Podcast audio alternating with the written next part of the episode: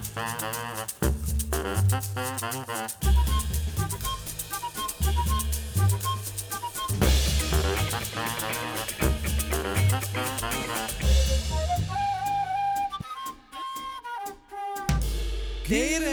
morning! Vau, midagi uut. midagi uut.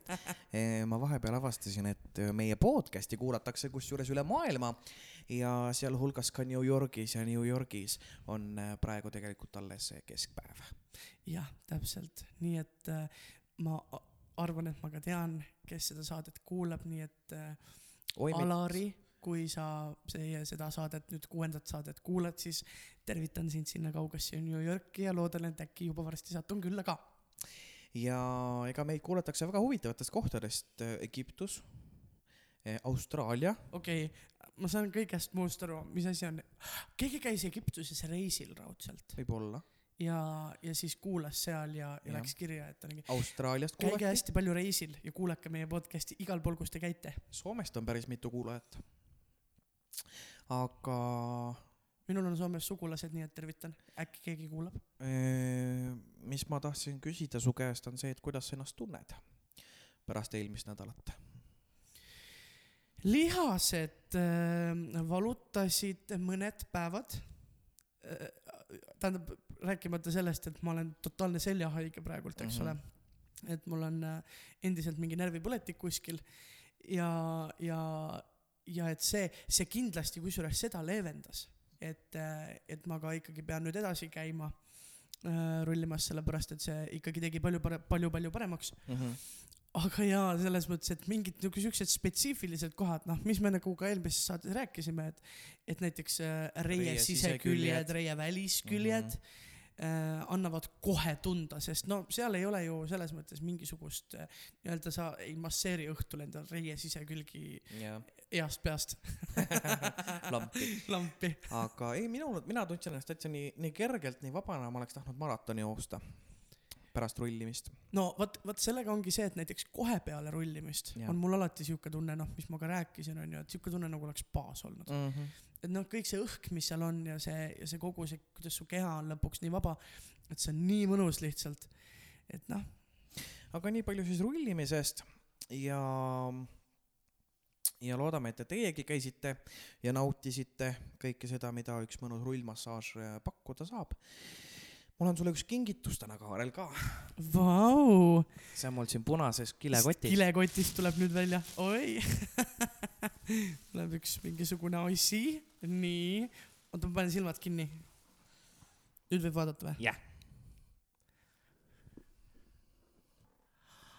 oi, mis see on? see on nüüd meile tänaseks saateks. ma arvasin seda no mine pekki. Te peate nüüd, te peate, te peaksite kõik nägema seda, mis, mis Mark mulle just, just tõi, nii et ma teen kohe, ma teen kohe pildi. Mhm. Te saate praegult live, live pildi sellest, ma panen pärast selle, selle üles ka. ma teengi hästi prosta pildi, et siis, kui te näete seda, siis te teate, et see on hästi prostalt tehtud pilt, onju. igastahes ma mõtlesin, et, et äh, Vau, ma mõtlesin, et, et pärast seda rullimist äh, eelmine nädal me võiks äh, premeerida, et me oleme tegelikult väga tublid olnud siin äh, üleüldse oma podcast'iga ehm,. et oi, me peame tänama veel enne, kui me tänase saate teema juurde lähme, peame tänama kõiki kuulajaid, sellepärast et tõepoolest äh, tänu teile oleme me jõudnud äh,, ma vaatasin, ma ühel hetkel avastasin, et oli sihuke asi olemas nagu äh, podcast'ide edetabel, et, et me sinna sellesse päris äh, top edetabelisse veel ei ole jõudnud, nii et äh, on veel natukene aega ka, meil on täna alles kuues saade, aga et, et näiteks äh, muusika edetabelit me juba juhtisime vähemalt täna hommikul. väga hea jah, aga Mark, mm?. kui sa nüüd oled suu, oma suu täis toppinud, siis tegelikult veel enne, kui me läheme, hakkame saate teemaga pihta, siis sa pead rääkima, mida sa praegult sööd. Mm. et te kuulete natuke matsutamist ja mõnuhaigeid, sest et Mm. tõesti on hea Mm -hmm. mm,. ma söön äh, uus kohtavat Telliskivis hashtag reklaam. jah, täitsa süüdimatult reklameerime, sest et nii maitsev on. täiesti süüdimatult me teeme ilmselt järgmise poolsaate lihtsalt suu täis, et äh, kõik lapsed, kes te meid kuulate või noored, teage, teage, teage, et, et täissuuga rääkimine on ebaviisakas.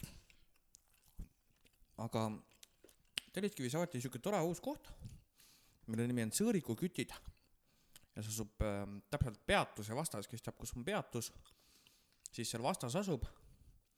Ja noh, ei ole mingi saladus, et äh, selle koha on siis äh, teinud äh, meie väga-väga head sõbrad, isegi parimad sõbrad, parimad sõbrad, jah.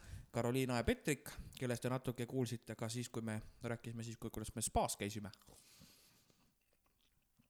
ja tervitame siitpoolt Karoliinat ja Petrikut ja täiesti süüdimatult teeme reklaami Sõõriku kütid Facebookis ja, ja Instagramis, leidke nad ülesse. ja lihtsalt väga lihtsal põhjusel. no see on lihtsalt tõesti uskumatu, kui head mm -hmm. need Mhm. sõõrikud on.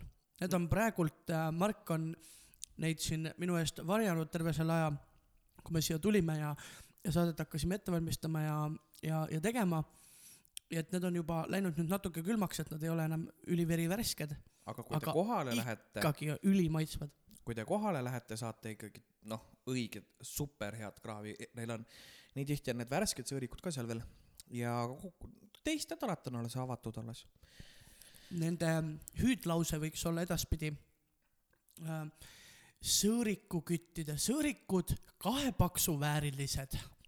ja sellest rääkides mul on kuulajatele väike kingitus ka, oi, aga sellest ma räägin eh, saate lõpus, nii et tuleb kannatlikult kogu saade ära kuulata.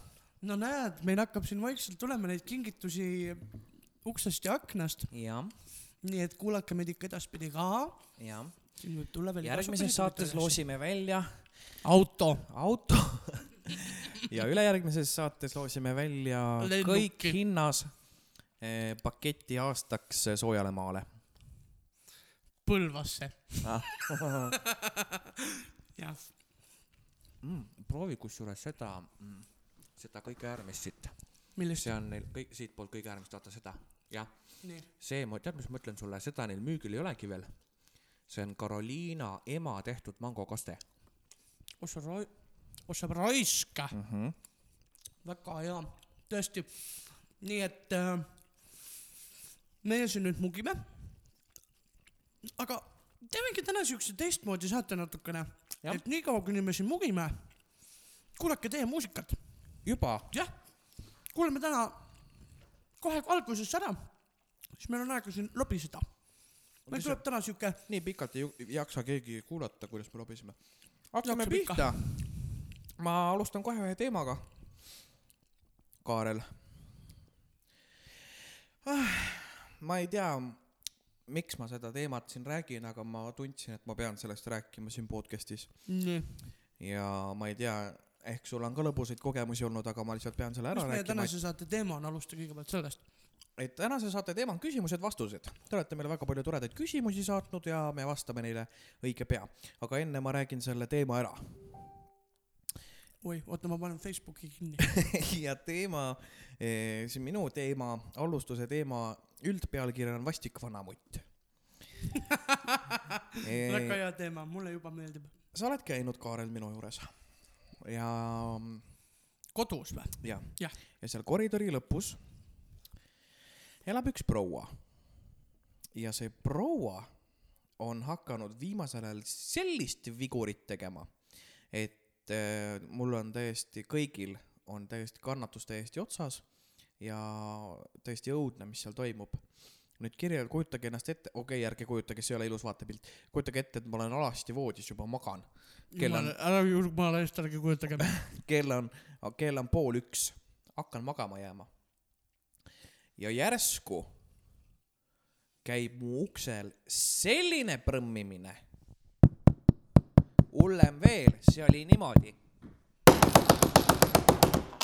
ja mina, kes ma olen eh, laevatöötaja, sain nagu, olen nagu harjunud sellega, et kui sihukene prõmmimine on, siis on nagu kaks varianti et kas sa oled tööle sisse maganud umbes neli tundi ja sind äratata, üritatakse üles äratada või siis on tulekahju. ja mina arvasin, et on tulekahju, sest et tööl ma ju ei olnud. ja ma panin, ma ei tea, mingi esimese asja selga endale, tõmbasin ümber, et ust lahti teha, et vaadata, mis toimub, vaata, et kas evakueeritakse või kuskil põleb, mis noh, seal majas oli tuletõle ja signalisatsiooniga olid mingid probleemid, kogu aeg undas siis, kui ei olnud vaja niisama lampi. siis ma mõtlesin, et äkki lülitati vaata välja ja nüüd tõesti põleb kuskil. Ja ma teen ukse lahti ja seal on see tädi. ja tädi vaatab mulle suurte lambasilmadega otsa ja küsib niimoodi täiesti siiralt. aga miks te jälitate mind? ja ma ei osanud talle midagi nagu vastata, ma olin nagu ee, ei jälita. jälitate küll. ma tean, et te mind jälitate, et kogu aeg keegi vaatab, et kui mina kõnnin koridoris, siis, siis keegi kogu aeg jälitab ja ma olen teid ükskord poes ka näinud. ja siis ma sain aru, et okei oled, sa olid seda mutti varem ka näinud või? ei, ei, ma ei olnud temaga suhelnud, aga ma olin teda näinud? näinud jah Jah. no ütleme nii, et ma sain aru juba siis esimesel pilgust, kui ma teda nägin, et tegu ei ole võib-olla kõige tavalisema inimesed, no inimesega, sellepärast et tal olid eh, käte ümber olid tõmmatud Selveri kilekotid ja, ja peas oli tal eh, neli maski. ja, ja küsiski, et miks mina teda jälitan, siis ma üritasin nagu selgeks teha, et, et nagu vaata ei jälita. ja siis ta oli, aa, noh, ega siis ei ole midagi, aga vot see teie naaber rohelise uksematiga, vot tema küll jälitab mind. ma, mul on tõestus isegi, et ta käib mul öösiti istumas ukse taga, seal on see tool ja tema öösiti istub seal mitu tundi ja va- vaatab läbi ukse, mis ma teen. siis ma olin mingi okei okay,, head ööd, panin ukse kinni. ja siis ma käisin, möödus mingi sihuke kuu aega, ilmad olid juba soojad, mõnusad, läksin rõdule, tegin suitsu. Ja, ja hak-, läksin siis, noh, meil oli sihuke, meil on seal ühiskasutatav rõdu, onju, ühe korruse peale, kus siis kõik saavad käia suitsetamas. ja siis läksin sealt rõdult, hakkasin korterisse minema, siis ma näen, et see naine on mingi järgmise ukse juures, midagi räägib, siis ma nagu kuulasin, mõtlesin, et okei okay,, et lähen tuppa, siis ma nagu läbi ukse ikkagi kuulsin, mis nad nagu räägivad. Siis ma mõtlesin, et kurat, ma lähen küsin selle tüdruku käest, mingi noor tüdruk elas seal, et mis see mutt tahtis, vaata. siis ma läksin selle tüdruku juurde, küsisin, et mis ta tahtis. Ja siis see tüdruk ütles, et, et see tüdruk on selle muti naaber siis, et see naaber, naabrimutt süüdistab teda suitsetamises. Et ta korteris suitsetab ja et kõik need haisud pid-, peaksid, lähevad temale sinna korterisse, et tema ei saa niimoodi elada, et see on nagu ahistamine ja inimese õiguste rikkumine ja siis äh, kargas see mutt sealt välja oma korterist, hakkas kohe sõnelema, ütles, et, et jaa, et, et tema suitsetab, ma ei saa hingata, ma ei saa hingata. siis ma küsisin, et nagu suitsetad või tüdruku käest, ütles, et ta pole proovinudki elus.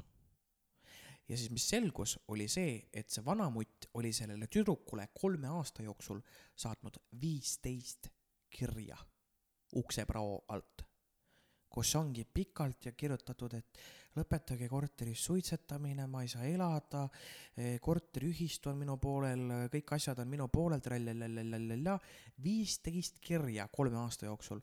see tüdruk oli peaaegu pisarate äärel. noh, põhjus, miks ma läksingi sinna üldse uurima, et mis toimub, oli see, et ma lihtsalt kuulsin läbi ukse, kuidas see tüdruk ütles, et et ma enne ei saa rahus elada, kui ma pean siit ära kolima, sest et siin on nagu võimatu elada siis ma mõtlesingi, et mida see mutt ütles talle, vaata.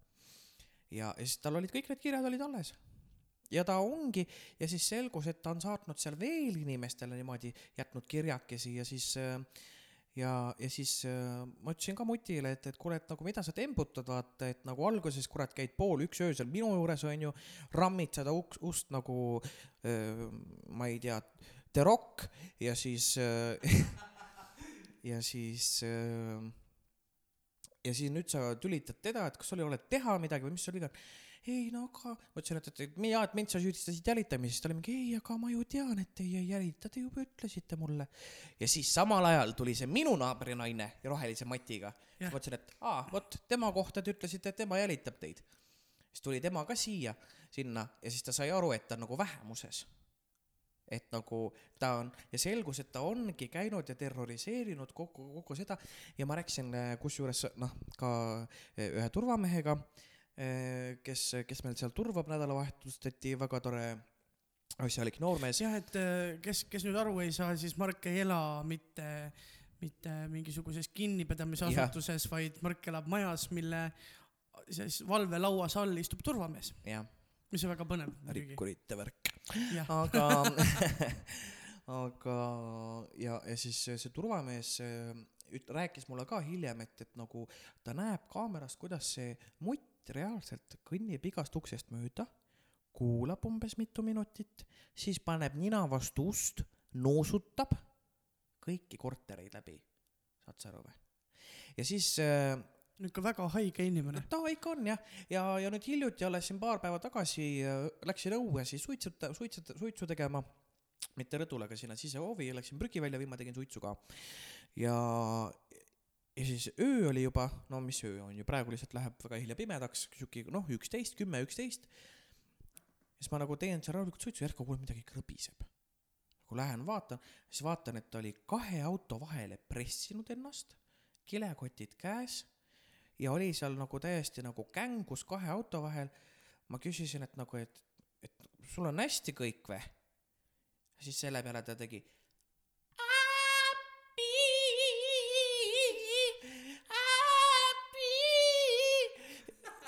Ja siis, ja siis, ja siis ma olin mingi selge.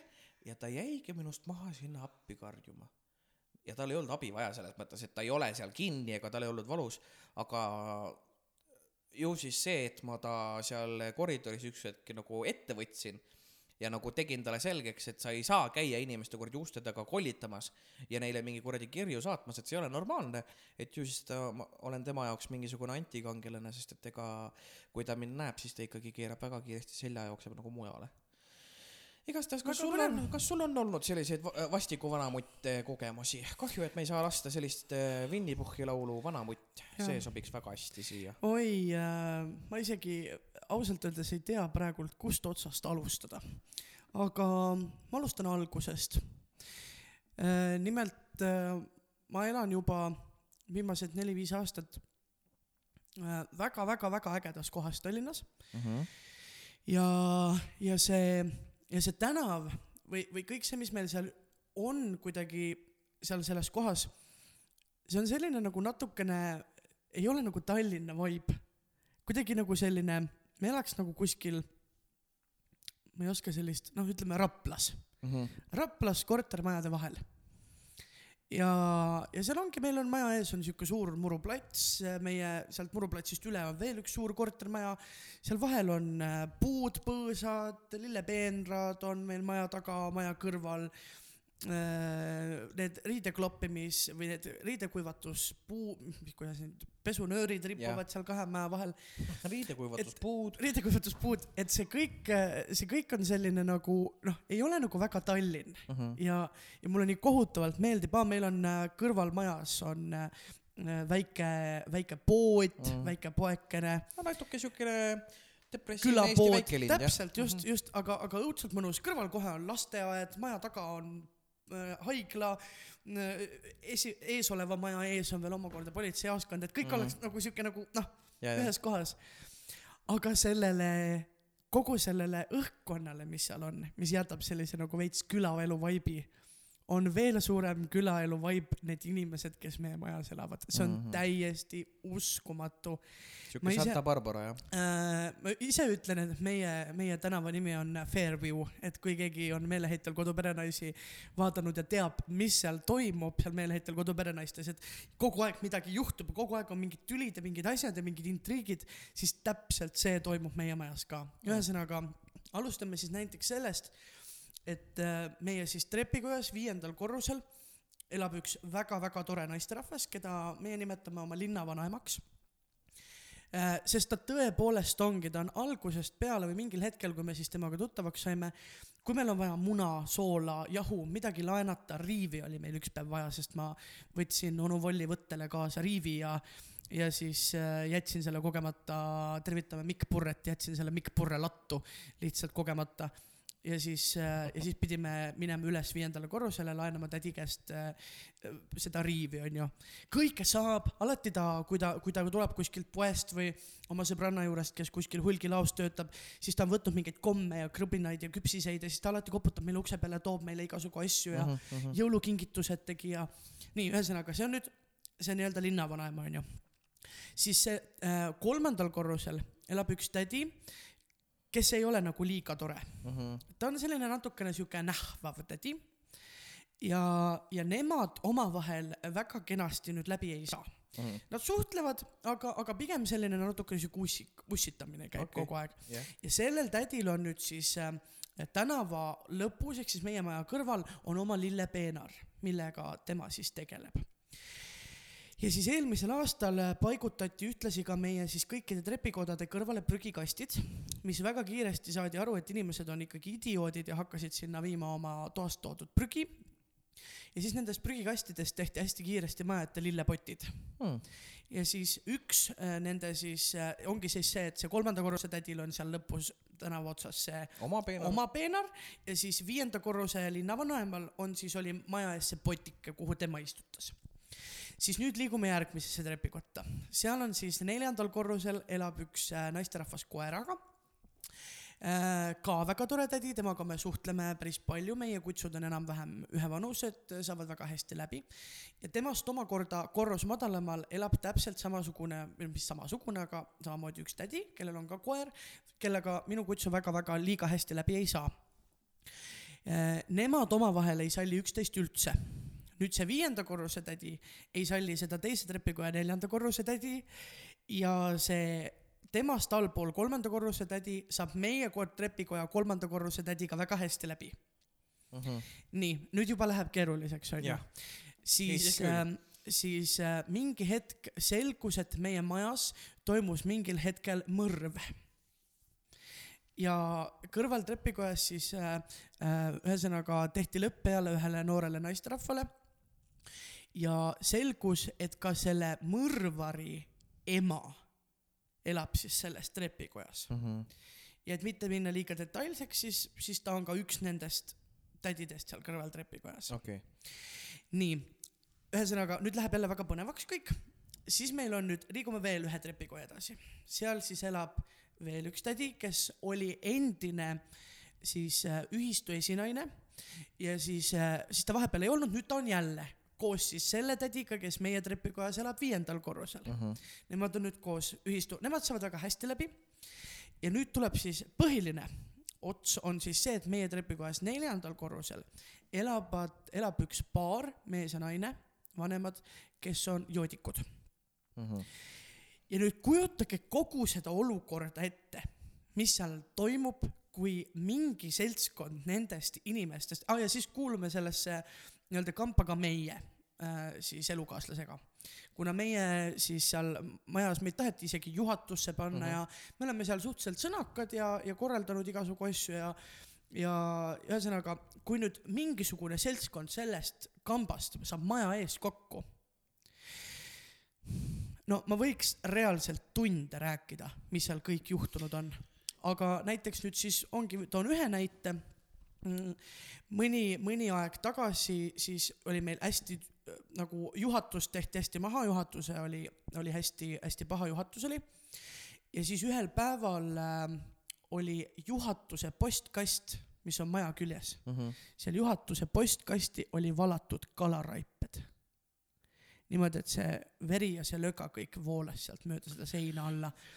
ma olen täiesti kindel, et selle tegevuse taga oli üks nendest tädidest, keda mina kirjeldasin. Mhm. ma ei tea, milline, kes, aga kindlasti oli see üks nendest. sest ka nemad, just needsamad viis naist, on kõige sõnakamad üldse igasuguste asjade puhul mm. -hmm. Ja siis nüüd viimane intsident näiteks, mis oli, oli siis see, et üks nendest prouadest otsustas, et meie trepikoja eest tuleb ära viia see lillepott, et temal on rohkem lilli, tema tahab ise neid seal äh, istutada. Ja et kuna sellel kolmanda korruse tädil on oma lillepeenar, siis miks see peab meie trepikoja ees olema. mõni päev hiljem oli siis sinna ilmunud sildike selle lillepoti külge, et äh, palun too see lillepott meie siis trepikoja ette tagasi, et hoopis mina tahan sinna istutada. ja see oli siis üks nendest teistest tädidest mm. -hmm.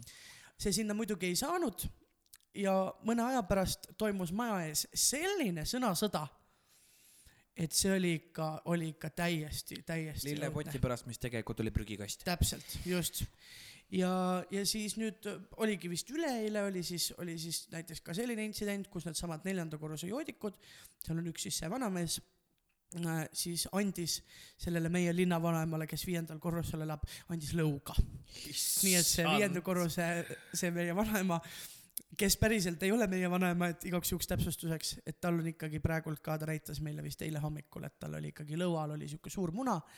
ja et siis oligi, et, et ta, me kuulsime trepikojas karjumist, mul elukaaslane jooksis üles korrusele ja, ja siis äh, päästis nii-öelda siis meie vanaema ära. politsei käis ka, aga politsei käib meil äh, üle ütleme üle päeva mm, -hmm. jah, tõepoolest seal maja juures käib üle päeva. et, et ma, ma ütleks, et see on üks, üks erakordselt põnev koht, kus elada Kula, ja see külaelu, mis vaba, seal on. vaba korterit ei ole teil seal või pakkuda? Äh, kõrval trepikojast vist isegi on, äh, tervitame siinkohal Andrus Muugat, kes elas mul kõrval trepikojas, ma ei tea, Andrus, sa võid meile teada anda, kas sul on veel korter vaba või on seal juba keegi kuule, aga ma saadaks enda vanamuti ka sinna teile. no just.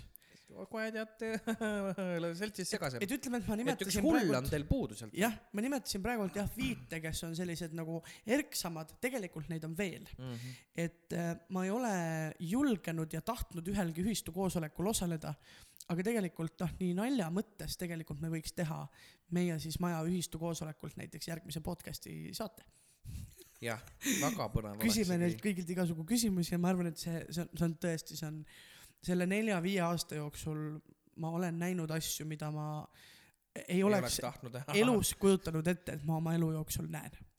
no igastahes väga tore, et, et selline äh,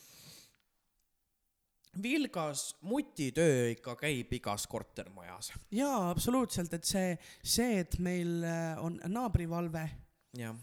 Mitte naabrivalve siis, vaid naabrivalve. naabrivalvele on ka veel naabrisalme, naabrileida, naabrieda, naabri äh, Karina. naabri Kaja. et, et selles mõttes jah, on, on äh, ikkagi, ega ei jää märkamata, kui sa näiteks koerajunne üles ei korja kohe teab terve maja. aga mis ma võin öelda, et mina olen ka Kaarlil käinud külas paar korda. Ja, ja tõesti väga häiriv oli, et äh, näiteks lillepottidest olid tehtud prügikastid, õigemini vastupidi, prügikastidest olid tehtud lillepotid, sellepärast et suitsetava inimesena ei olnudki neid suitsukunisid kuhugi enam panna.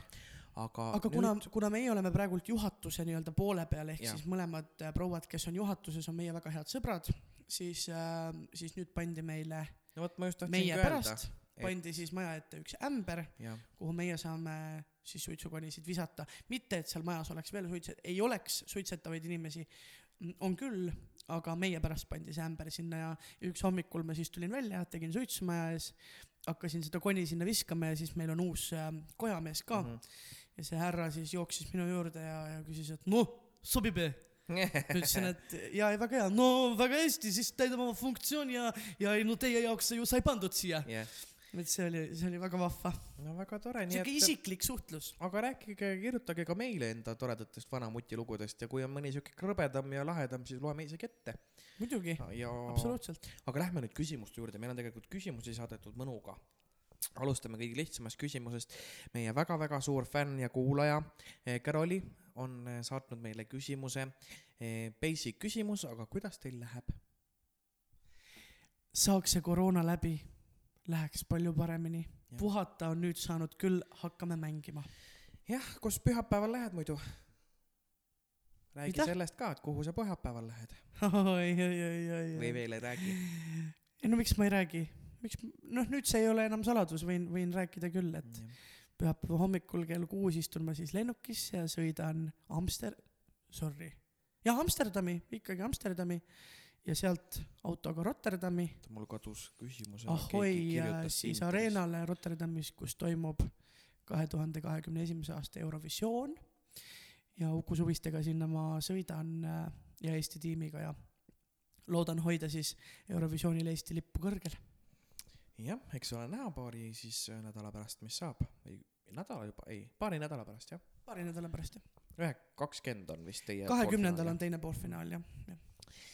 Minul läheb ka täitsa kenasti.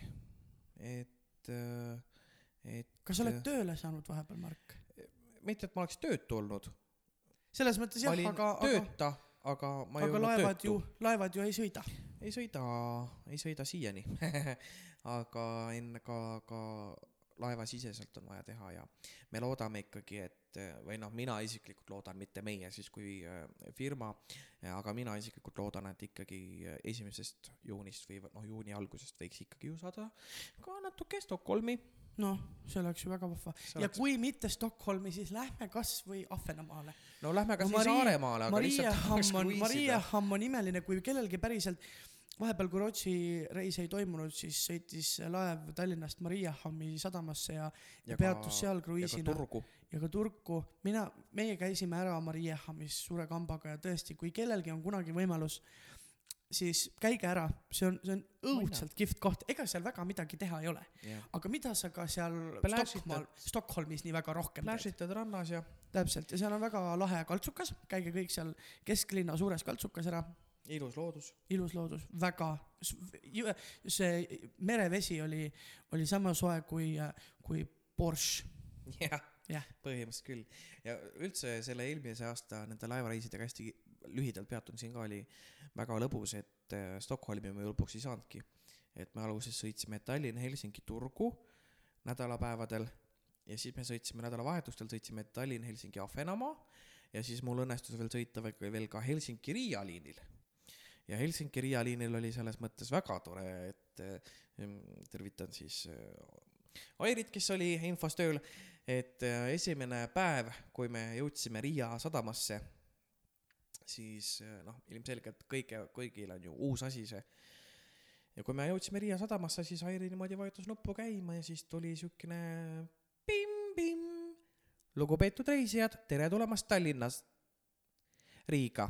õhutemperatuur on ja see oli väga lõbus, sest et ta sai ise aru, et ta ütles valesti. noh, komplekt, harjumusest vaata jah, ja, ja, ja siis ta hakkas ise seal peaaegu naerma, hoidis naeru tagasi ja no meil oli ju väga lõbus, sest et me ju saime aru, et ta hoiab naeru tagasi. et äh, igast apsakaid juhtub, aga kuule, järgmine küsimus. kuna meil oli teema, et küsida võib kõike, siis äh, küsiti ka, et äh, mis on eesti keele riigieksami kirjandi teemad? oi-oi, ei teagi, Te ei tea jah? aga, aga, aga räägi sina nii kaua sellest äh, kuidas sinul üldse näiteks koolis eesti keelega läks ja mina nii kaua, sest äh, teadupärast Mark on ju vene rahvusest pooleldi, et kuidas sinul eesti keele õppimine ja kõik see, kõik see läks äh, erinevalt Kaarel räägib, et ma olen nagu vene rahvusest pooleldi ja nagu ma oleks eesti keele nagu hiljuti selgeks õppinud või midagi. ei no jaa, aga kas minu emakeel on olnud äh, esimesest eluaastast ainult eesti ja nüüd keel. räägi, räägigi Vene sellest, keele ma sain- ja ma otsin eksami teemad üles. Vene keele ma sain selgeks võib-olla viieteistaastaselt lõplikult või no ma isegi praegu ei oska vene keelt nii hästi. et, et Kaarel siin muidugi nüüd ma olen natukene ikka täiesti idioot muidugi Noh.. ma hakkasin eesti keele riigieksami neid teemasid otsima, aga kas eesti keele eksam on olnud ära toimunud või? ei teagi, no vot ei tea jah. peab küsima siin koolilõpetajate käest. no igastahes ähm, ähm, vastus siis küsimustele on ei tea. järgmine küsimus kõlab niimoodi. millest selline nimi?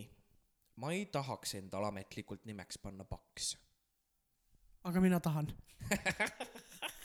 mina, mina olen olnud terve elu seda, seda tüüpi, et minule meeldib enda üle naerda ja kusjuures ma pean päris ausalt ütlema, et, et see lugu, kuidas see saate nimi sündis, oli, oli niimoodi, üleüldse võib-olla tasub siinkohal ära rääkida, kuidas see saade sündis. no see on väga-väga tegelikult ma ütleks eriline lugu, sest meil oli Margiga plaanis hakata tegema hoopis teistsugust podcast'i. õigemini see oli minu idee, et me hakkame tegema hoopis teistsugust podcast'i. teist, noh, ühesõnaga teise ülesehitusega, teise stilistikaga. ja siis üks päev me istusime siin, kus me ka siin stuudios, kus me seda salvestame ja, ja Mark ütles mulle, et kuule, hakkame tegema podcast'i? ütles, et muidugi hakkame, ei nagu kohe. aa. no ma ei tea, et noh, hakkame siis kohe tegema ja siis Mark ütles, et aa, aga et pealkiri, et kuule, kaks paksu. ja siis ma vaatasin Margile otsa, ütlesin davai ja hakkasimegi tegema ja täpselt nii lihtsalt see käis, ma arvan, et see otsus, et me hakkame saadet tegema ja see, et me panime esimese saate salvestama, selle vahe oli, ma arvan, kakskümmend minutit kuni pool tundi mitte rohkem. põhimõtteliselt küll jah. et, et ja siin on ka, siin on ka see, et, et äh, paks, paks paksuks on ju. et, et kui ma vaatan peeglisse, siis ma olen paks. Mhm. kas ma olen äh, paks-paks, seda ma ei tea, seda ma ei ütleks. Aga kui ma vaatan peeglisse, siis ja on kaks sõna, kaks sõna, kas kõhna või paks, siis ma olen paks Mhm. ja täpselt nii lihtne see ongi. seda enam, kui see paks saab kirjutada kahe X-iga. absoluutselt väga eksklusiivne sihuke, mis see on, see sõna, mitte eksklusiivne, aga nojah, eksklusiivne. eksklusiivne on hea, et ma ei ole mitte paks, vaid ma olen paksk. paks XXL. kaks paksksu. tule siia. järgmine küsimus. Kaarel, kas sa oled eh, kirjutanud laule ka endale? jaa, aga vähe. ja seal on väga lihtne põhjus, seal on väga lihtne põhjus ja põhjus on see, et äh, endale on õudselt raske kirjutada. sest äh, kui ma kirjutan kellelegi teisele, siis ma natukene mõtlen tema mingisuguse stilistika peale, sest Mhm. kõrvaltkuulajana ma kuulen väga hästi ära, mis on tema eripära, mis on kõik see endale kirjutamise puhul on natuke see, et kuna ma olen kirjutanud muusikat tõesti väga palju, ma olen kokku lugenud, et ma olen kirjutanud kuskil kolmsada, nelisada laulu oma elu jooksul, siis, siis kui sa oled nii palju kirjutanud, siis tekib mingisugune kriitika ja kui sa Mhm, kirjutad mhm. endale, siis see kriitika meel muutub veel nagu oluliselt nagu, nagu, nagu teravamaks. palju teravamaks. ja mul on ikkagi kirjutatud sahtlisse meeletus koguses poolikuid laule, mis ongi niimoodi, et eh, noh, selles mõttes mitte sahtlisse, vaid ma ütleks sahtli alla, sest neid ma enam ei mäleta, neid ma ei tea, need sõnad on kadunud, salvestused on kadunud. aga et ongi, et ma kirjutan salmi ja refrääni ära, ma saan aru, et see on täielegi jama. Mhm. Ma viskan selle minema ja ootan, et mul tuleks mõni teine, küll aga on mul äh, mõningaid äh, laule, mis on ka välja tulnud ja ja, ja, ja mida võib-olla kuskilt saab ka kuulata, kui te, kui te tahate ja vajalikuks peate seda. jah, absoluutselt ja kuidas? ja, ja täiesti õige, Kaarel siin äh, sosistas, et lauluaeg, aga, aga see oli mul ka endal plaanis, et tegelikult ma ütlen päris ausalt, keegi ei, ei kirjutanud seda küsimust, ma mõtlesin selle koha peal välja ja nüüd, daamid ja härrad, õudne. Kaarel Orumägi esimene superhitt, mille nimi on Sinu jaoks. miks sa teed nii, laulis Johanna Endre Eesti Laulul. aga no hea küll, kannatage ära. me oleme Eesti rahvana kannatanud terve, terve aja jah, mina nüüd kuulan seda laulu ja hakkan kartulikoori sööma. suvi või talv, on lumi maas või taevas päike. tegelikult pole vahet suur. imelik ilm, mu sees end püüab tormiks muuta. surun vargsi maha end. seisku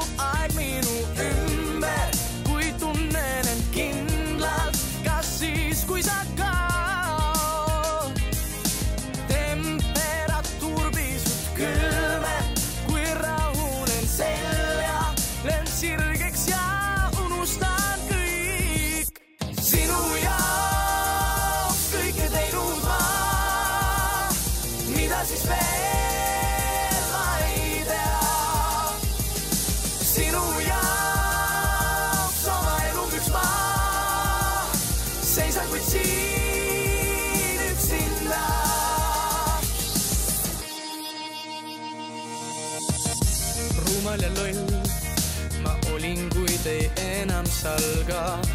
ootasin, mil saabub see hetk, kui su suu ja mõistus ühenduse leiavad ja miski tarka tuleb sealt.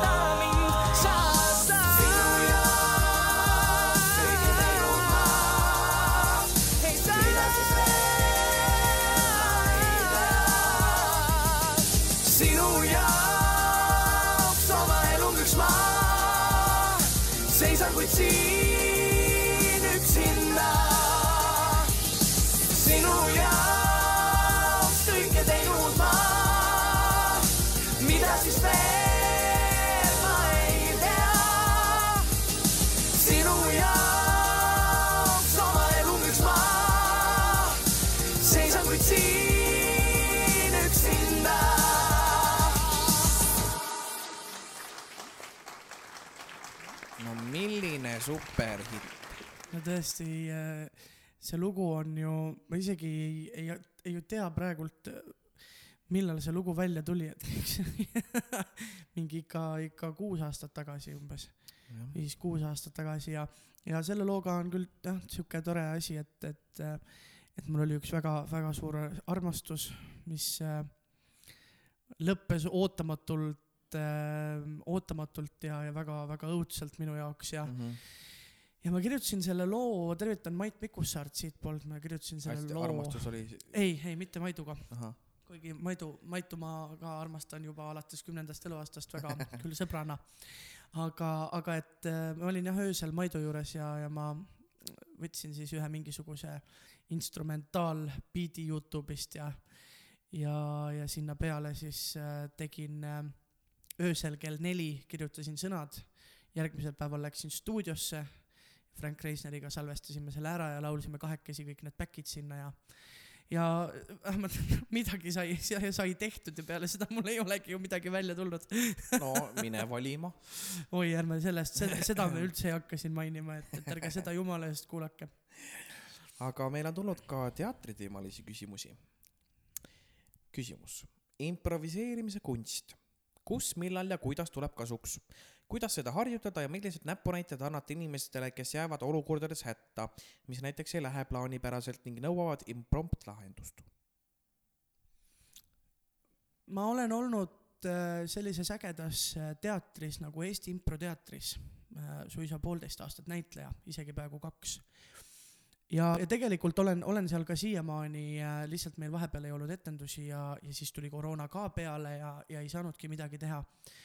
et, et, et see on ikka oma, omaette kunst, et kui mm -hmm. ma Mhm. räägin nüüd täiesti nagu impro, improteatrist, improteatrist, siis meil oligi esimene formaat, miks ma sinna üldse ka nagu noh, põhiliselt sain, oli see, et, et nad hakkasid tegema Eesti Improteatriga sellist formaati nagu impromuusikal.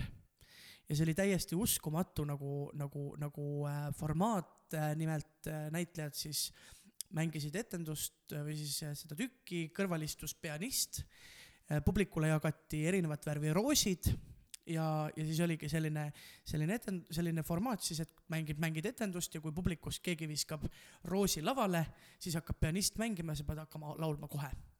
ja, ja no see, see, see oli lihtsalt nii uskumatult naljakas ja nii, nii kihvt nagu, nagu formaat, et seda tahaks kunagi kindlasti veel teha.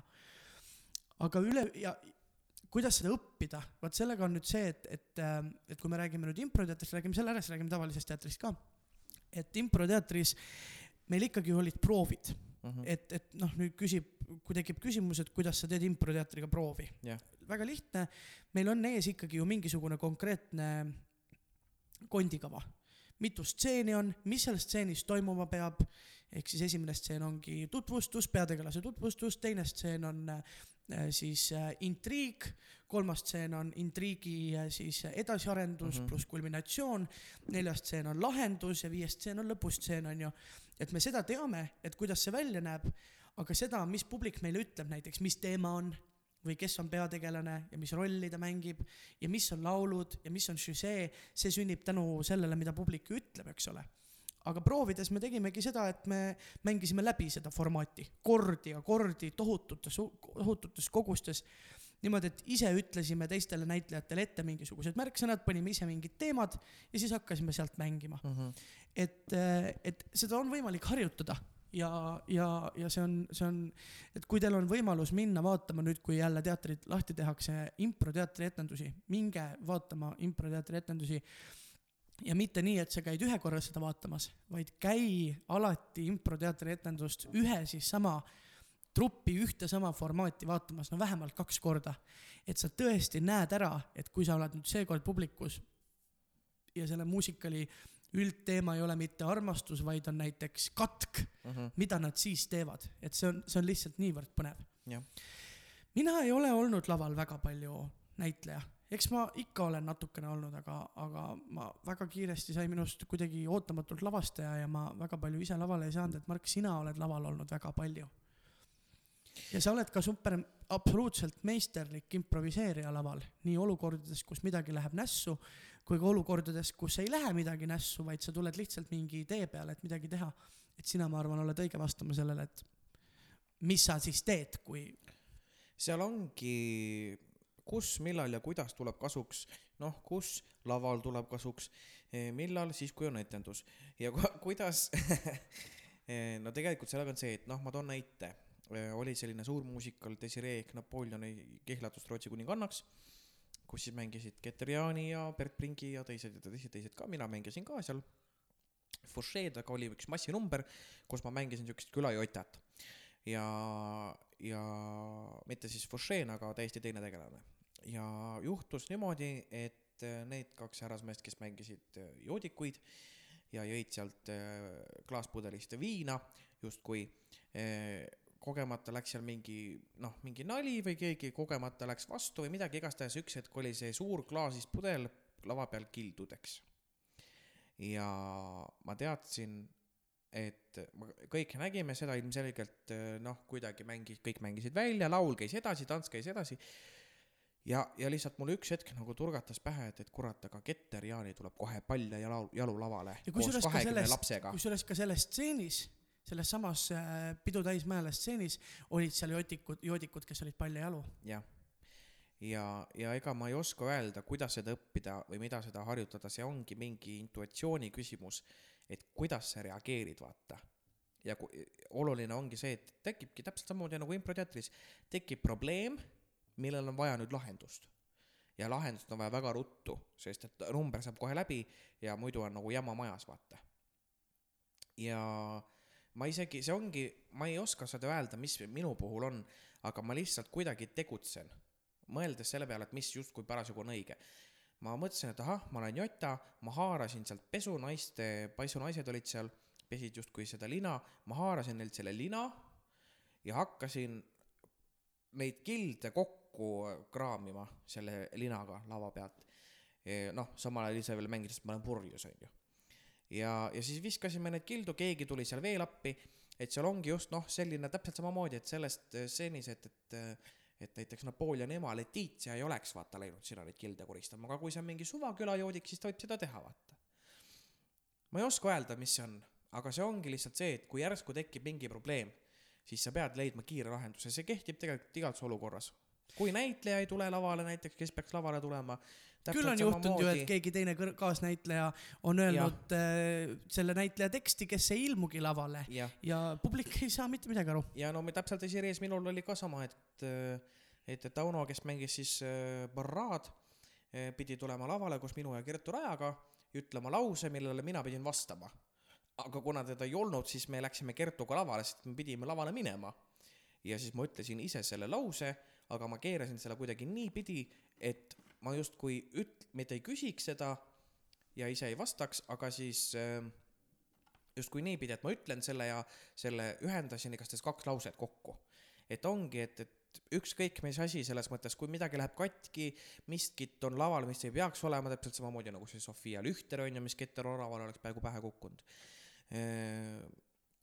sa pead leidma lahenduse, ongi, et kui mingi sihuke asi, siis sa lihtsalt mõtledki välja, et kuidas parasjagu sinu karakter saab selle asja ära viia või selle asja ära toimetada või kui kedagi ei tule lavale, siis mõtledki, et kuidas sinu karakter saaks selle olukorra nüüd nagu ära päästa, vaata, et kas sa ütled ise selle teksti ära või sa lihtsalt liigud oma lausega edasi, jätad selle teksti vahele, et kõik olenebki nii situatsioonist, et ta ei saagi niimoodi võib-olla nagu- kõige, kõige rohkem tuleb mõelda selle peale, et ei tohi pingesse minna, et sa ei tohi ise sattuda paanikasse.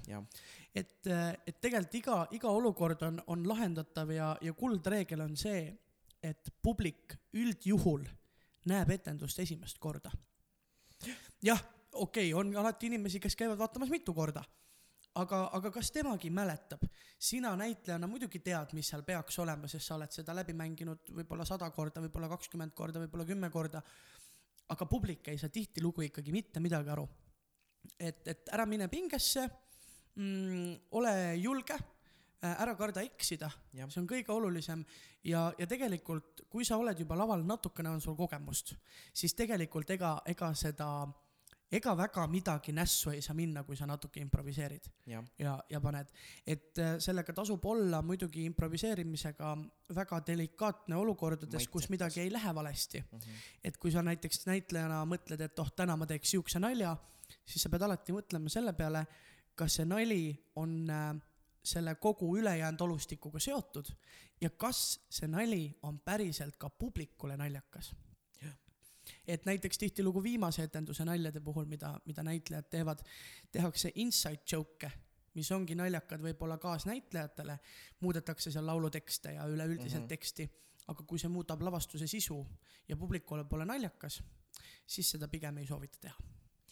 ja veel üks teatri temaatiline küsimus. teksti õppimine ja esitamine, kuidas üldse näitleja saab selgeks teksti? Kuidas muutub tekstis olev kirjanduslik tegelane laval olevaks karakteriks, mida tähendab, et näitleja teeb rollist oma rolli? kuidas paneb näitleja endast mingi midagi, kuidas paneb näitleja endast midagi rolli ja vastupidi? hakkame nüüd esimesest küsimusest peale. kuidas üldse näitleja saab selgeks teksti? teksti õppimise juures minu soovitus, tuupimine ei aita. ei aita. alati leia teksti juurde liigutus, samm, mingisugune žest, mingisugune, ma ei tea, käemärk, mingisugune, et püüa teksti õppida läbi noh, pikemate prooviperi-, prooviprotsesside jooksul ikkagi ju näitleja õpib teksti proovisaalis suuresti, et sul peab olema midagi enne selge, aga, aga et sul jääb see tekst pähe tegelikult laval väga hästi. Jah, et noh, see ongi selline kuld, kuldreegel, et ega, ega kui sa avastad äh, kaks päeva enne proovi, et sul pole tekst üldse peas ja sa hakkad seda tuupima, siis pigem see teeb kahju kui kasu, sest lõppkokkuvõttes sa võid ka seda laval esitada motoorselt ja niimoodi kuidagi robotlikult, nagu sa seda kodus ka õpid. jah, sama soovitus, mina ei ole kunagi teksti tuupinud, välja arvatud juhul, kui ma pean minema umbes viie minuti pärast kuhugi kas kaamera ette või lavale ootamatult püstolina. no püstolina, siis see jah, tõesti, siis küll, jah. siis see tõesti, sul ei olegi muud varianti. aga ja siis tuleb improvisatsioon kasuks väga väga palju. aga, aga, aga mina näiteks olen avastanud, et mina näiteks ei peagi teksti õppima. et, et ma olen kuidagi endale niimoodi sisse harjutanud, et ma vaatan, loen selle stsenaariumi läbi mitu korda ja kui me hakkame stseeni tegema, siis ma loen ta uuesti läbi ja selles mõttes ma enam-vähem tean, mida ma pean ütlema, et loomulikult ma ei tea kõiki lauseid sõna-sõnalt.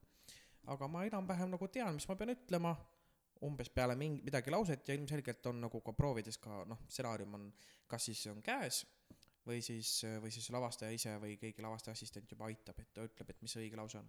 ja täpselt samamoodi, et kui sa juba teed mingit tegevust, siis ongi juba, jääbki kergemini pähe. kuidas muutub tekstis olev kirjanduslik tegelane laval olevaks karakteriks? Punkt üks. näitleja töö. jah, punkt üks selles mõttes sul on vaja, vaat, vaat nüüd ma paneks selle võib-olla kokku selle viimase küsimusega, mis on see, et kui palju annab karakter näitlejale, Mhm. näitleja karakterile.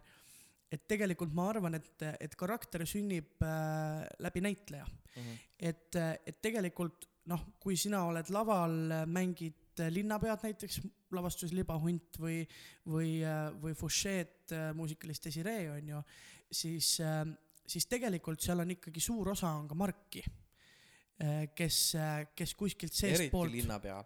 eriti linnapea jah, jah, et, et, et ikkagi seal on, seal on ju tegelikult see, et kui sa mõtled nüüd, et, et kuidas näiteks mängiks linnapead äh, Mait Malmsten, siis mina ka näiteks lavastajana lavastaks teistmoodi. jah, täpselt, et, et see tegelikult ikkagi sõltub nii äh, siis näitleja tüpaažist, et kuidas nüüd saab see kirjanduslik tegelane selleks laval olevaks karakteriks, inimeseks läbi näitleja, läbi selle inimese, kes teda interpreteerib et kui, kui lõppkokkuvõttes äh, mängib seda üks näitleja, siis ta mängib seda ühtemoodi ja kui on teine näitleja, siis ta mängib seda teistmoodi. aga kuidas tuli linnapea karakter, kui põnev oleks teada? linnapea karakter äh, esi sinu, sina kui lavastaja. esiteks äh, tuligi näiteks läbi sinu hääle, mis oli minu jaoks väga oluline, sest äh, vaadake, kui te kuulete siin, kuidas Mark praegult räägib, onju, siis äh, Mark räägib ühtemoodi, aga Margil on tegelikult selline väga su-, suur ja sügav äh, selline bariton klassikalaulja hääl. sihuke jaa, tee korra. no vot, täpselt selline hääl on Margil. Ja kui mina mõtlesin nüüd selle linnapea peale, siis minu jaoks see sügav hääl ja see selline veidi terav toon, mis Margil on, sai nagu selliseks äh, algpunktiks, kust alustada. teiseks äh, see, milline Mark välja näeb, et Mark on suurem, mis tähendab seda, et see linnapea on ka, ma panin veel linnapea ju üleni valgesse, mis tähendab seda, et see veel eriti rõhutas seda seda suurust, et ta ongi selline natuke ülesöönud äh, vanamees, kes on olnud sellel nii-öelda rikas poliitik. rikas poliitik, kes on olnud oma sellel kohal istunud, et, et ma näiteks ei kujutaks ette, et seda mängiks äh, keegi äh, väga kõhna noormees, kellel on selline kõrge hääl nagu minul näiteks mm. -hmm. mis oli näiteks ju Nuku teatris, mängis ju linnapead tõepoolest Taavi- Tõnisson, kes on kõhnemapoolne mees pigem kõrgema häälega, mitte sügava ja madala tämbriga.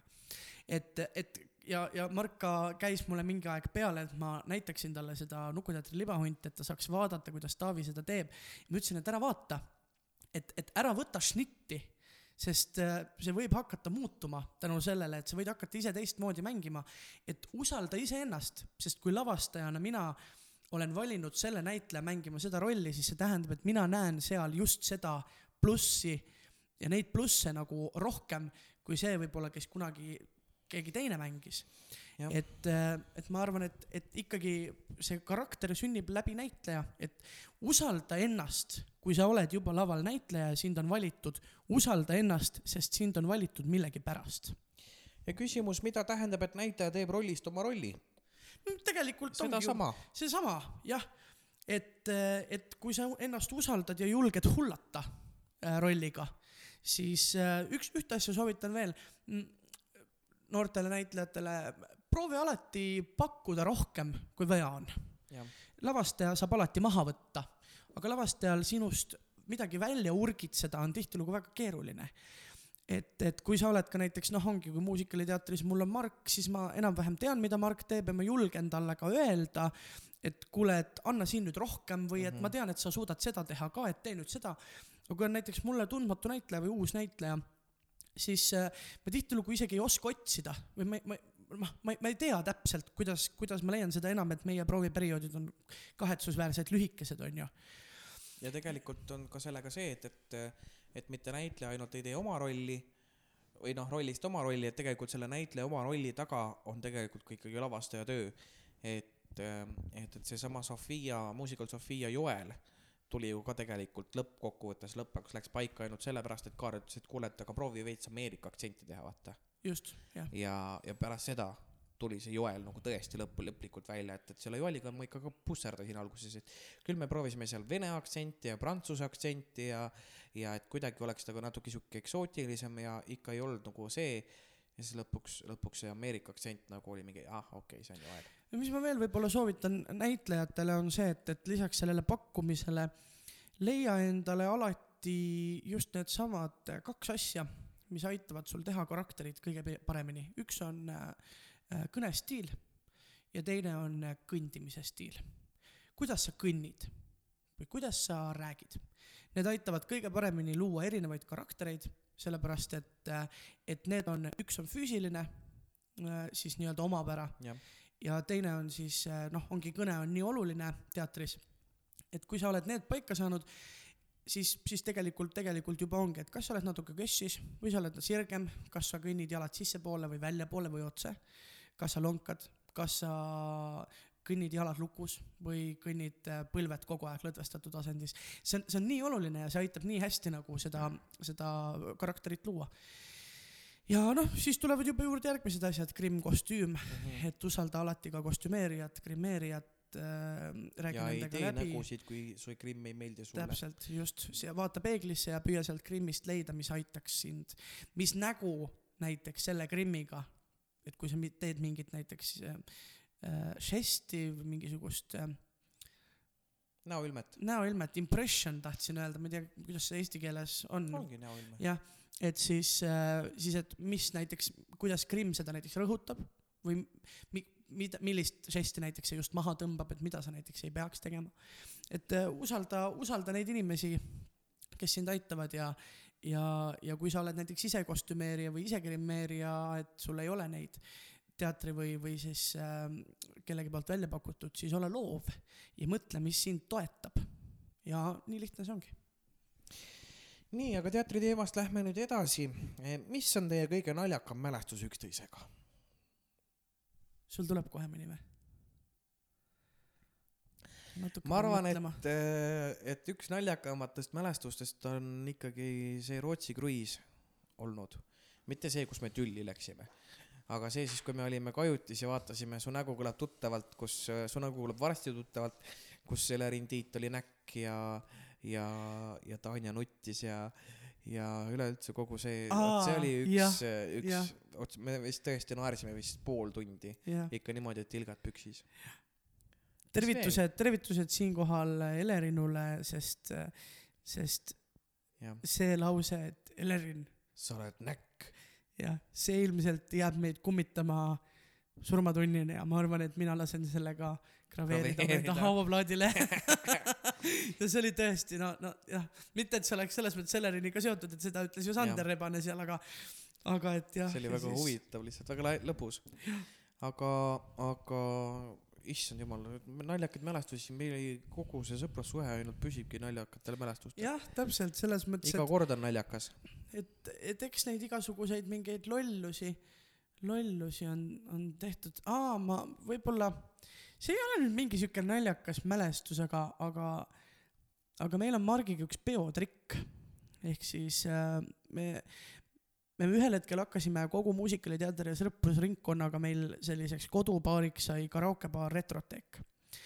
ja, ja üldse karaokebaar, mis see teine karaokebaar, Shamrock. Jah, Äh, ja, ja et äh, me oleme ikka istunud ikka, ikka kümneid ja kümneid õhtuid ja öid seal Shamrockis ja, ja eriti Retroteegis ja laulnud äh, kambakesi seal üksi ja mitmekesi ja ja meil on siis Margiga peotrikk, meie laulame kahekesi alati sellel hetkel, kui me oleme juba piisavalt võtnud, laulame siis Andre Bocelli ja Sarah Brightmani äh, Time to say goodbye'd jah, äh, itaalia keeles. Jah. ja, ja niimoodi, et mina laulan siis Sarah Brightmani ja Mark laulab Bocellit. ja me alati särame selle viimase ülikõrge noodiga ja saame alati tohutult suured aplausid. aga lisaks sellele me saame Margiga ikkagi ütleme üheksakümnel protsendil juhtudest tuleb lõppkokkuvõttes keegi, kes ütleb, et see oli nii äge, et ta tahab meile joogi välja teha. Jah. ja mingil hetkel me hakkasime siis kelgutama selle peale ja siis, kui sai, siis meil tulid juba uued peolaulud, jah. uued partytrikid, mis meil, mis meil veel on, mis me oleme teinud seal. Livin la vida, Livin la vida loca on meil üks sihuke põhiline, Mammal jubat oleme laulnud. Mammal jubat jah, jah, et, et mingil hetkel me avastasime, et kui me niimoodi koos äh, ka laulame karaokebaarides äh, väga-väga erinevaid lugusid ja erinevate karakteritega, siis meile tehakse, loomulikult eh, see on tema.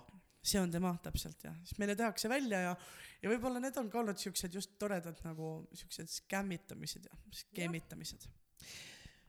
kes on teie suurimad eeskujud nii musikaalselt kui lihtsalt isikustena, isiksustena? Kaarel Ormägi. nii, mis asjad tahate veel oma nooruses? oota, oota, oota, selles mõttes, selles mõttes õige jah, et, et mina olen näiteks küll Margi pealt äh, võtnud mingisuguseid asju. no seda ma tean, et äh, Mark laulmises mulle kunagi järele ei jõua ja, ja et mina näitlemises Margile kunagi järele ei jõua. et selles mõttes meil on, meil on hästi-hästi jaotatud, et, et äh, mis, mis on muidugi võib-olla vahva peaks. äh, lauluõpetajat vahetama, sest et ma just sain aru, et sa lihtsalt ei õpetagi mind meelega et sa ei heaks. jõuaks et mulle järgi. järgi. aga et selles mõttes on tore, et tulge jälle hashtag reklaam vaatama kõik High School Musicali, sest me vahetame ju teadupärast Margiga sel aastal rollid, Mark lavastab ja mina mängin laval proua Tarbust, et, et see saab Preili. kindlasti, Preili, vabandust, Preili Tarbust, et see saab kindlasti olema väga põnev. aga eeskujud äh,.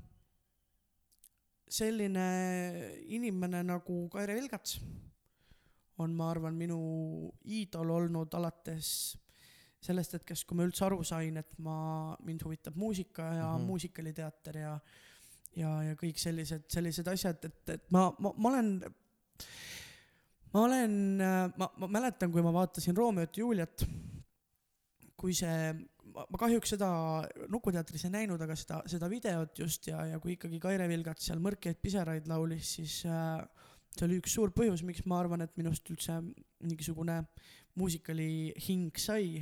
ma mulle meeldis see, kui Kaire Vilgas tegi väiksed tissid väiksed trikid, väiksed seksinipid,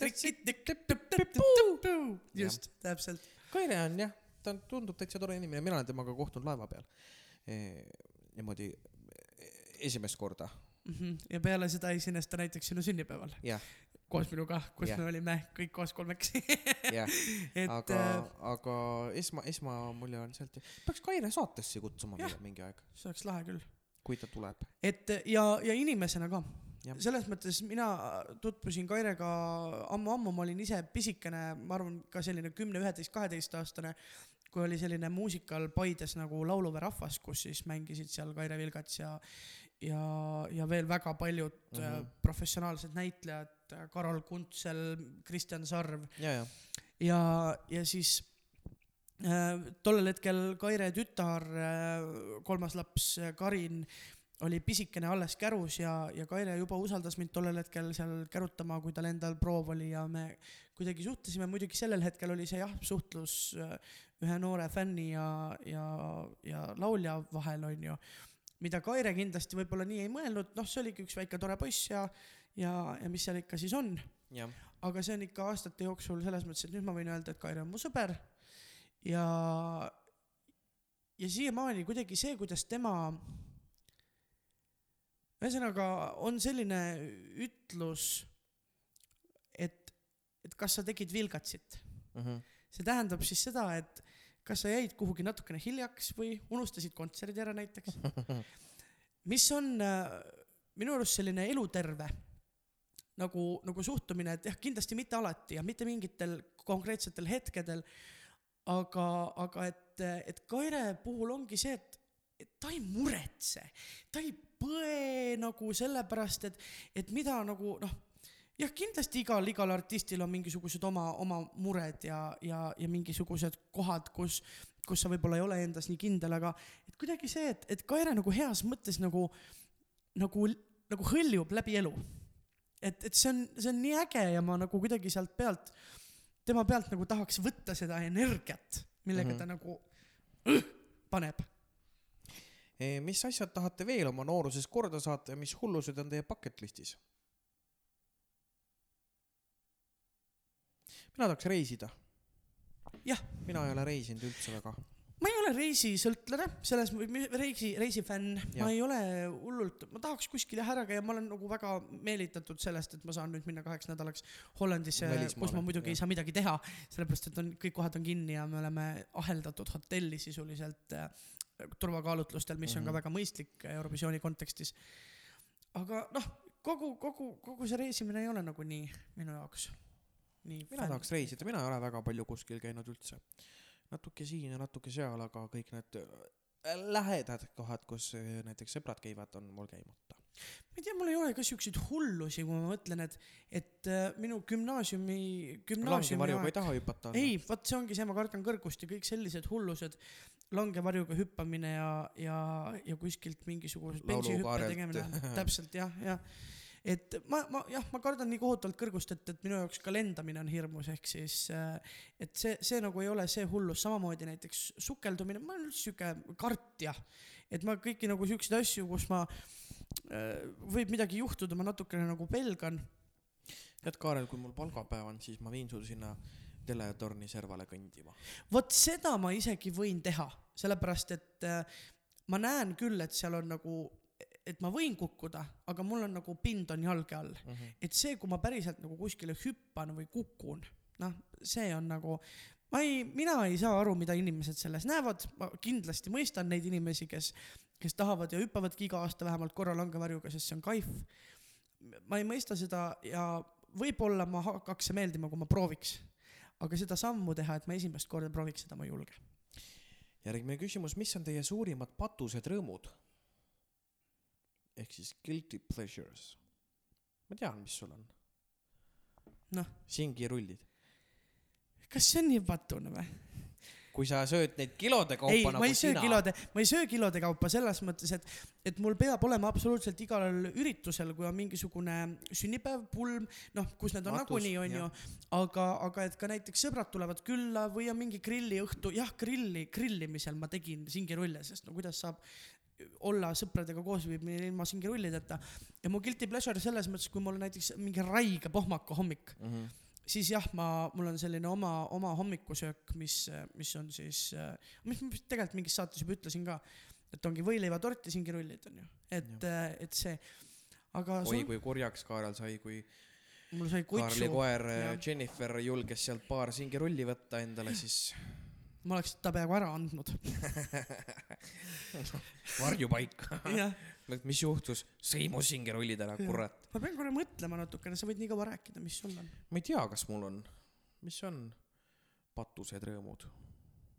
no suitsetamine on üks ju suur patt tegelikult, aga ma ei tea. ma arvan, et minu guilty pleasure on meeleheitel koduperenaised. aa, vot jah.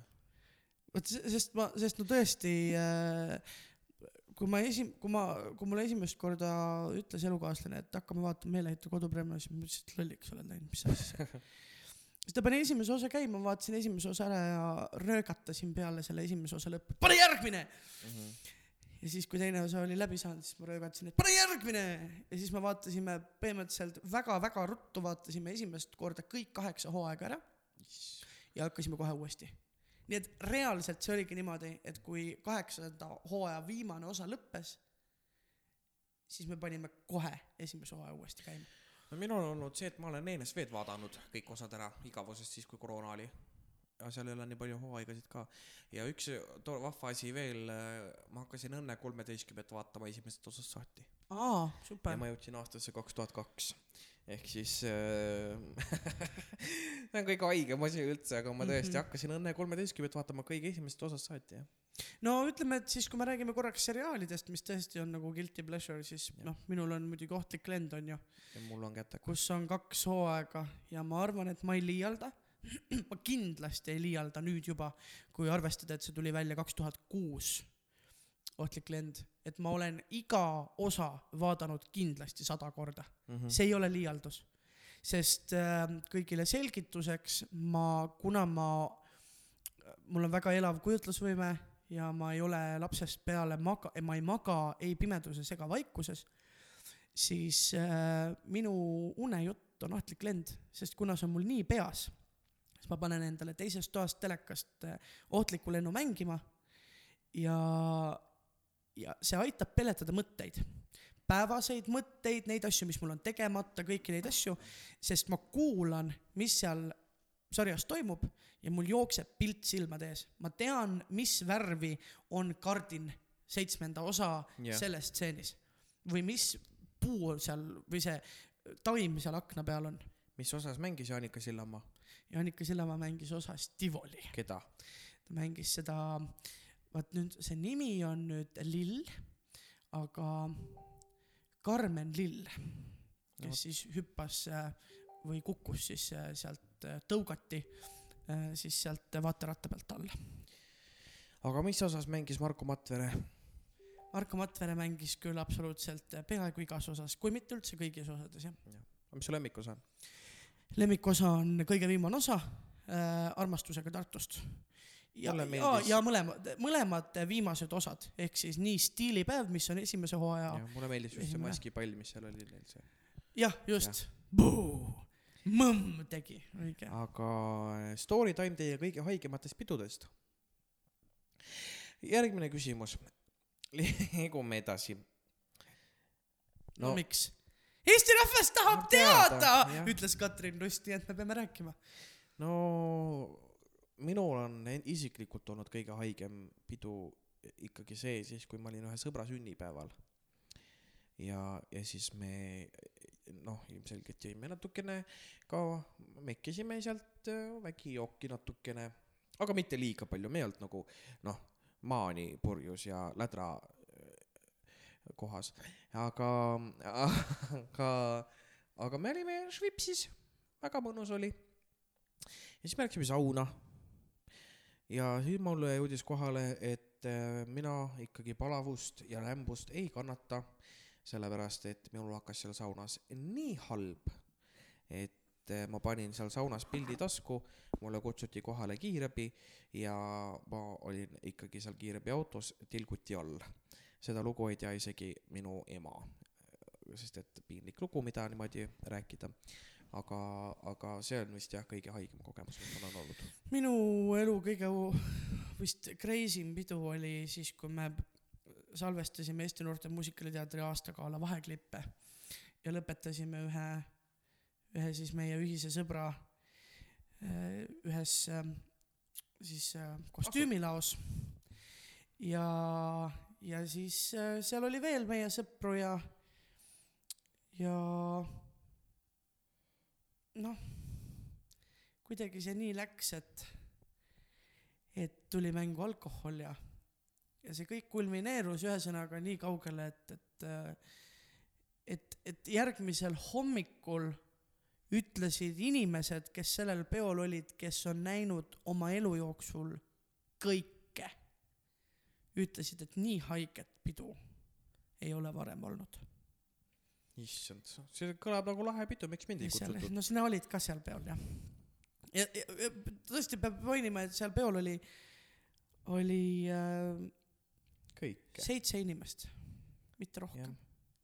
seitse inimest ja ainult äh, natukene alkoholi.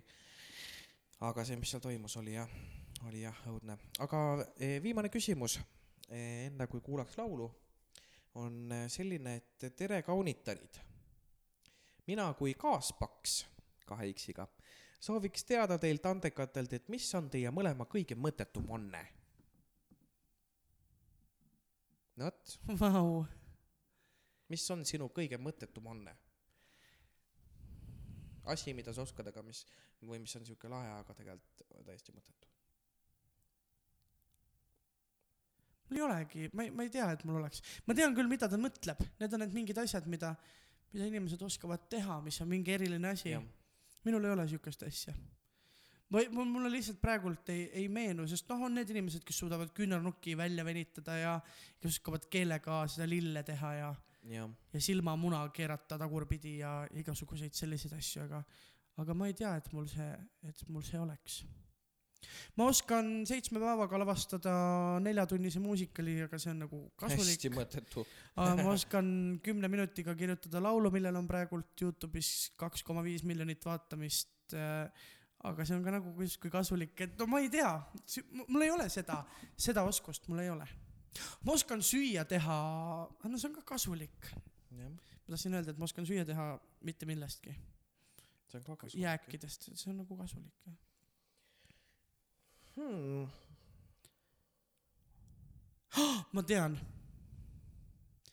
ma oskan äh, alati pidudele, pidud, pidudel olla see inimene, kes lahkub kõige viimasena. vot see on küll jah. ma, ma reaalselt lahkun, ükskõik mis pidu on. ma lahkusin paar aastat tagasi Eesti Laulu peolt kõige viimasena seal olid kohal kõik koristajad olid kohal ja siis mina olin Põhimõtteliselt. ma lähen koju inimesed. jah, ma ei tea mis minu kõige mõttetum on kas sina tead mis on minu kõige mõttetum anne ei tea.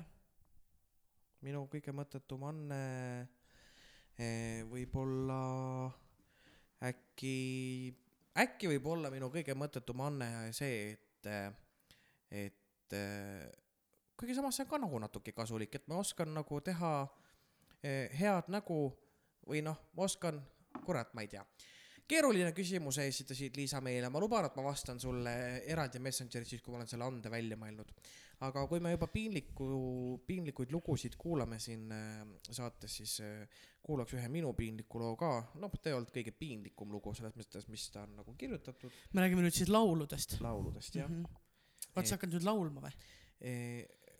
peaaegu jah no nii, et äh, see lugu oli minu kõige-kõige esimesem soololaul muusikalides üldse. Ja lugu kannab nime Marksism-leninism ja ma Oi, olin oi. umbes viisteist, kui ma seda laulsin ja tervitused äh, äh, Kasparile, Kasperi, Kasparil, jah, Kaspar Gräzinile, kes ütles, et see on tema lemmiklaul eh, huvitavatel põhjustel, aga jah, sihuke viieteistaastane, nüüd te kuulete lugu, kuidas üks viieteistaastane mängib, et ta on täiskasvanud, kes mängib, et ta oskab laulda eh, klassikalises võtmes. just ja, ja selle loo puhul on ka siis see tore asi, et taaskord mina olen selle loo kirjutanud ja, ja nüüd te siis kuulete lugu, kus siis kaheksateistaastane noormees mängib, et ta oskab kirjutada lugu, mis on pärit Nõukogude ajast. marksism, leninism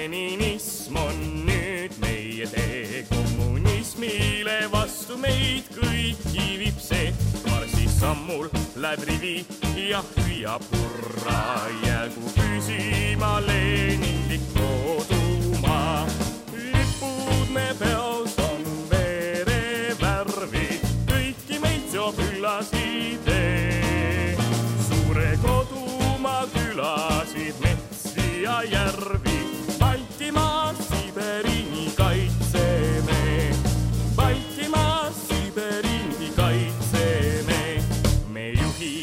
targad, meil suur on hing, seitsme aastaku rütmis käib Isamaa pind. palju rahvuslust hinnata oskame me, marksism, leninism on me ühine tee. lipud me peos on verevärvi, kõiki meid seob üllas idee. suure kodumaa külasid, metsi ja järvi,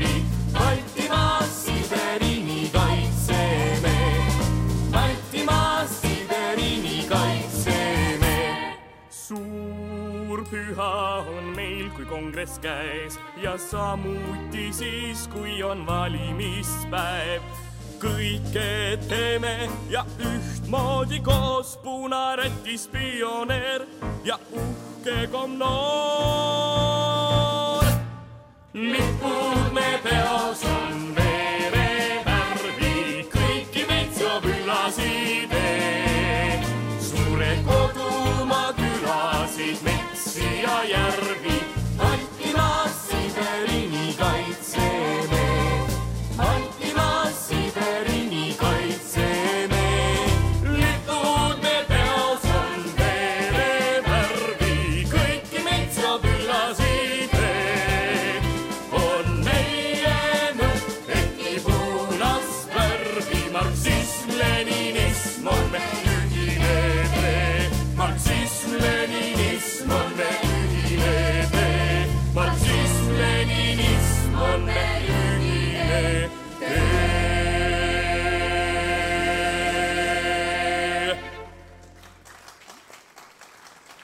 noh, panid täpselt suu täis nüüd, õudne, ma ei taha kuulata seda laulu enam. aga ausalt öeldes ega ma ka ei taha. hirmus laul, ilmus lugu jah. aga Spotify'st, kes tahab, seal on teine, üks iga huvitav plaat veel. seesama Salme plaat, kuulake terviseks. kuulake seal, kas sa laulad veel mingites lugudes või? jah, esimeses kohe proloogis laulad, ärgake jah, ärgakeses jah, ärgakeses, laste, lastelaul Ärgakese. ärgakesekene, aga ja nagu ma lubasin äh, saate alguses siis äh, meil on kuulajatele ma panen ka suu täis saate suu lõpuks. täis jah. kuulajatele üks siukene väike, väike kingitus ka. või noh, mis kingitus, see on ikkagi äh, meie parimad sõbrad Petrik ja Karoliina on äh, mis tegid praegu, näitasid mulle. ei, ma lükkasin prille keskmise sõrmega. ma mõtlesin, et sa näitad hopstigi fakki. jah, aga meie parimad sõbrad Pedrik ja Karoliina on jahtinud sellise toreda koha endale Telliskivis nagu sõõrikukütid mul tuli sõõriks ja hammaste vahele. ja teeme see uuesti. sõõrikukütid ja see pakkumine tuleb nüüd küll ainult ainult meie kuulajatele, me ei pane seda isegi mitte Facebooki üles, nii et kui sa oled selle saate nüüd ära kannatanud, siis sa saad seda pakkumist kasutada, et kui sa lähed ja ütled salasõna kaks paksu, siis sa saad eh, kahe paksu erikombo, milleks on neli kastmega sõõrikut ja kaks karastusjooki ja maksma läheb see sulle ainult viiekas. täishind wow. on eh, sellel ikkagi, ikkagi kõrgem, nii et jälle saate meie salasõnaga kaks paksu kuskilt alla just, ja kui sõõrikuid sööte, siis eh, kaalust alla ei saa, aga Alust- see-eest, millised hinnast- sõõrikud. just täpselt. et kui eelmine kord sai hinnast ähm, alla, sinnast alla, tasuta. tasuta sai üldse, jah mm,. ja, ja kui keegi nüüd tõesti kasutas seda meie, kurat, ma neelan alles, ma ei saa rääkida. et kui keegi nüüd kasutas tõesti seda meie kahepaksu äh, märksõna ja käis rullmassaažis, siis äh, andke teada, kuidas teile meeldis, kirjutage meile, sest äh, selliseid küsimustele vastamise saateid teeme me mõne aja pärast jälle et, et noh, nii on vist mõistlikum teha ka, et me tõesti kogumegi mingisuguse posu küsimusi kokku ja siis, ja siis mingil hetkel vastame neile, et täna vist jäi ka vastamata ikkagi veel mõndadele küll jah. mõndadele. aga noh, eelmine nädal saite käia meie kulul eh, tasuta, noh, meie kulul. jah, ei, me ei ole kinni maksnud, jah, meie koodiga. meie koodiga tasuta rullmassaažis. Nüüd saate minna sõõrikuid sööma ja kusjuures veel kaks päeva reedeni kestab neil ka giveaway, nii et minge vaadake sinna, saate veel võita tasuta sõõrikuid. aga, aga Ja- järgmises saates siis nagu me välja lubasime Kaarliga, siis loosime välja kõikide kuulajate vahel auto. auto ja ülejärgmises lennuki, just. just. ja, ja, ja meil on praegult kuues saade, eelmine saade oli erisaade. kümnes saade tuleb taas kord jälle erisaade, et pakkuge meile kohti, kust me võiksime erisaate teha et meil on juba siin väikeseid mõtteid, aga äkki tuleb teie poolt mõni tore pakkumine veel ja kui sul on endal mõni selline tore koht, kus tahaksid, et me tuleksime saadet salvestama, siis anna meile teada ja, ja me tuleme.